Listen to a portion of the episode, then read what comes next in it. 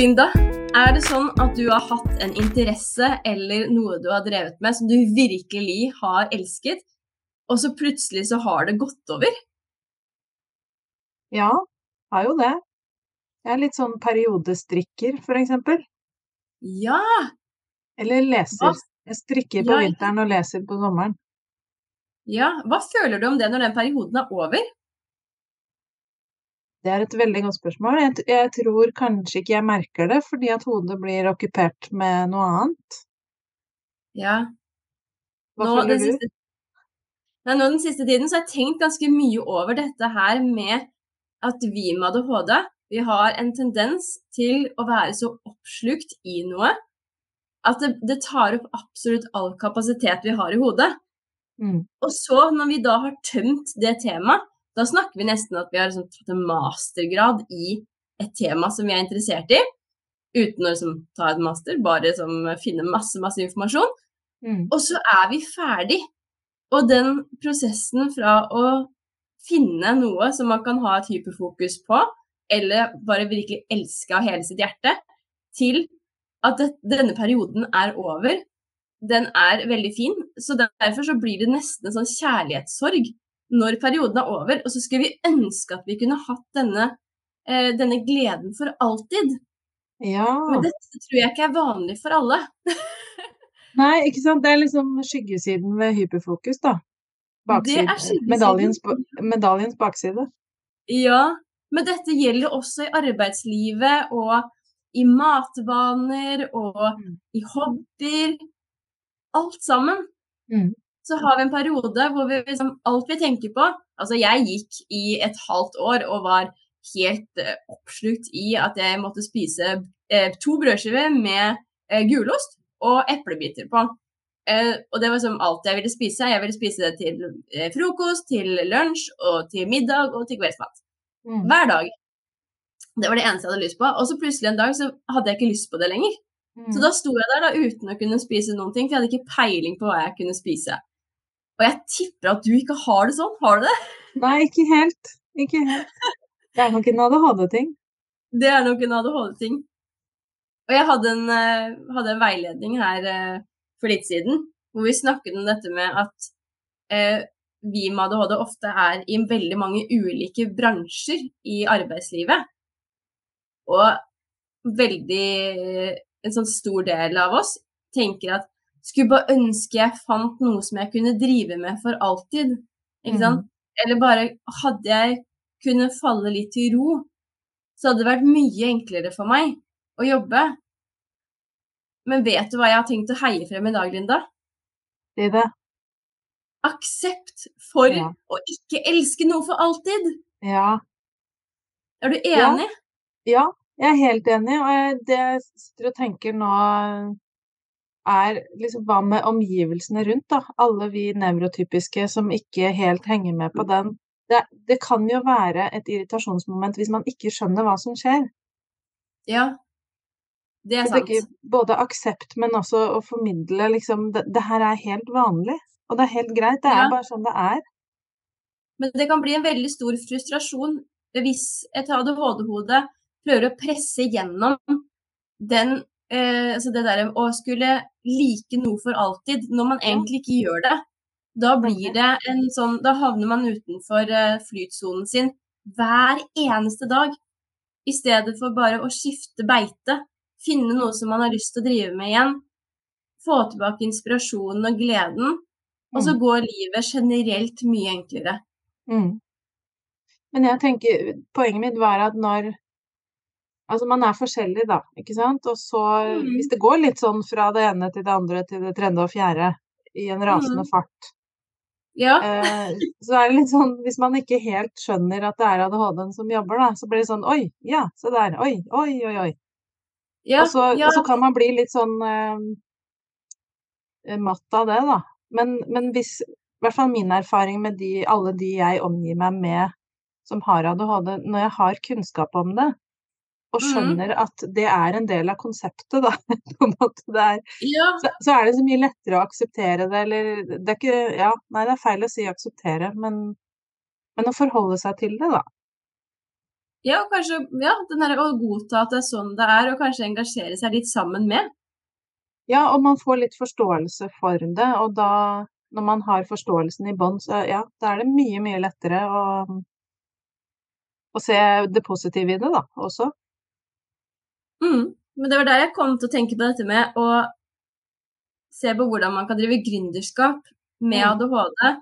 Hvor denne fleksibiliteten og muligheten for å kunne eh, bytte prosjekter før, før det blir til en sånn ting som man ikke liker lenger. Mm. Vite når er det Hvor lang tid kommer dette her til å være kjempeinteressant for meg? Og når er det på tide å f.eks. enten automatisere det, sånn at man slipper å drive med det sånn eh, aktivt igjen, eller at man faktisk bytter til å drive med noe annet. For det er jo en sånn skrekk, er jo at eh, et ADHD-hode begynner å kjede seg. Ja. For det, da er det Det er tungrodd. Men kan jeg spørre. Ja. hvordan var det her for deg når du jobba i arbeidslivet? Når du hadde en arbeidsplass og en ledelse og sånn?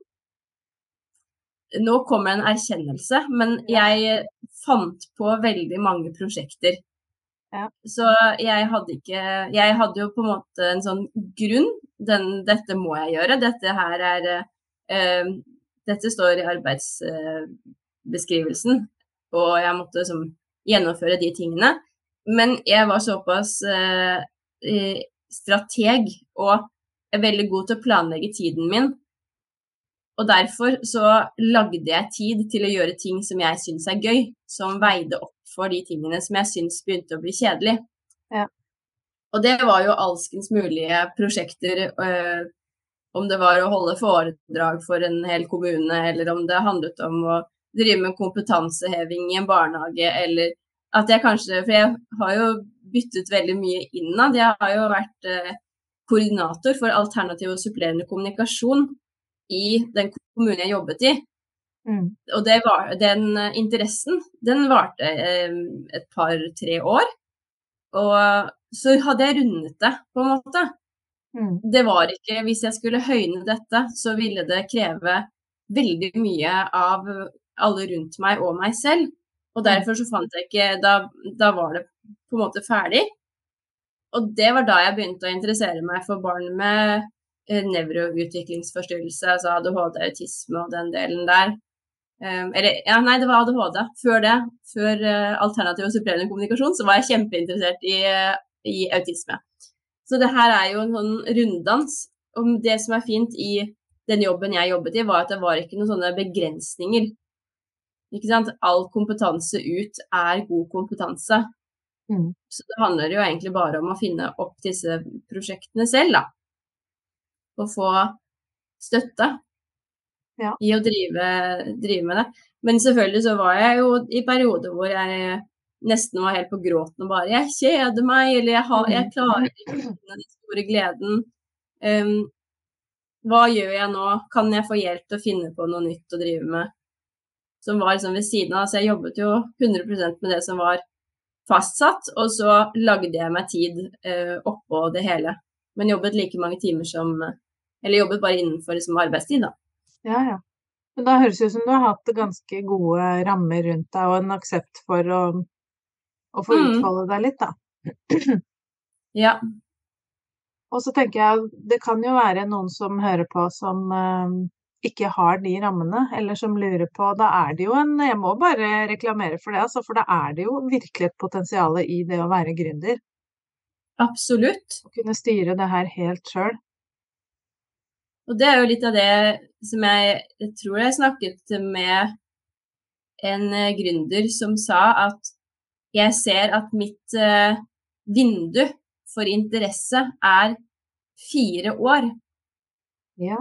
Fra man starter et prosjekt til man føler at man har eh, nådd det potensialet i det prosjektet, og at det prosjektet Nå er det ikke noe mer sånn altså oppstart i det, nå er det bare videreføring og vedlikehold og tilse at det er optimalisert.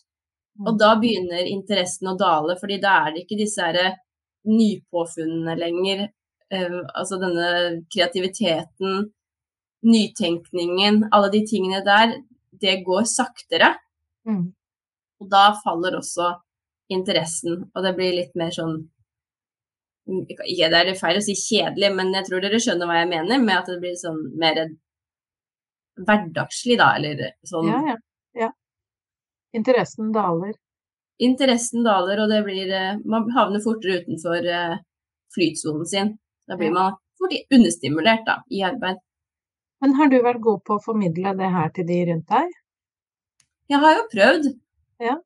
Men jeg har jo ikke hatt disse ordene. Hadde jeg hatt de ordene her, ville det vært mye enklere for meg å formidle det. Ja. Men jeg hadde jo jo ikke det på den tiden. Det er jo vanskelig å legge til rette for noe man ikke veit om. Ja, og ikke har ord for. Man kan jo på, på en måte si det med andre ord, men da vil det også bli uforståelig for den mottakeren. Mm. Så det her med å si ting på en eh, klar og tydelig måte med 'jeg strever med dette fordi sånn og sånn', 'jeg trenger dette'.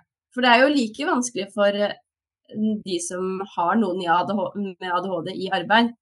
Mm. Hvis du kommer, eller jeg kommer da og sier sånn 'Jeg kjeder meg på jobb, hva kan jeg gjøre?' Og de bare 'Nei, la oss se, hvor, skal vi starte egentlig?' Eller 'Jeg aner jo ikke hva du trenger'.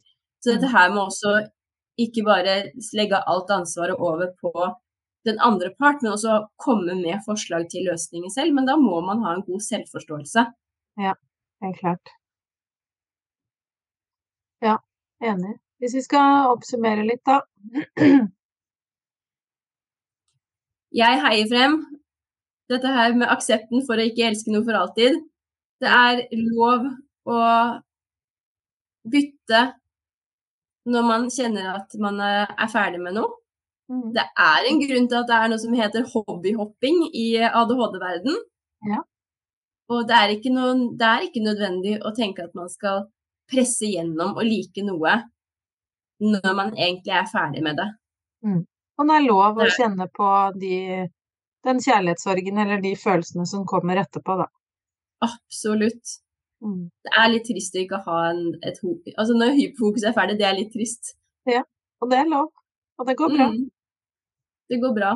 Også litt aksept og anerkjennelse og forståelse fra omverdenen også, så blir dette veldig bra. Veldig bra.